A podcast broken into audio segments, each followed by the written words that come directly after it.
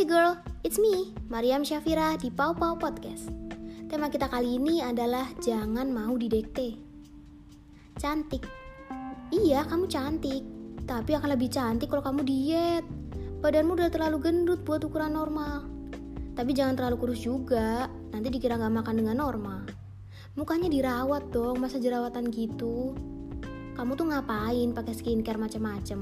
Sabun muka aja cukup. Familiar ya dengan kata-katanya? Kata-kata yang hanya merajuk pada definisi cantik baginya. Iya, hanya dia.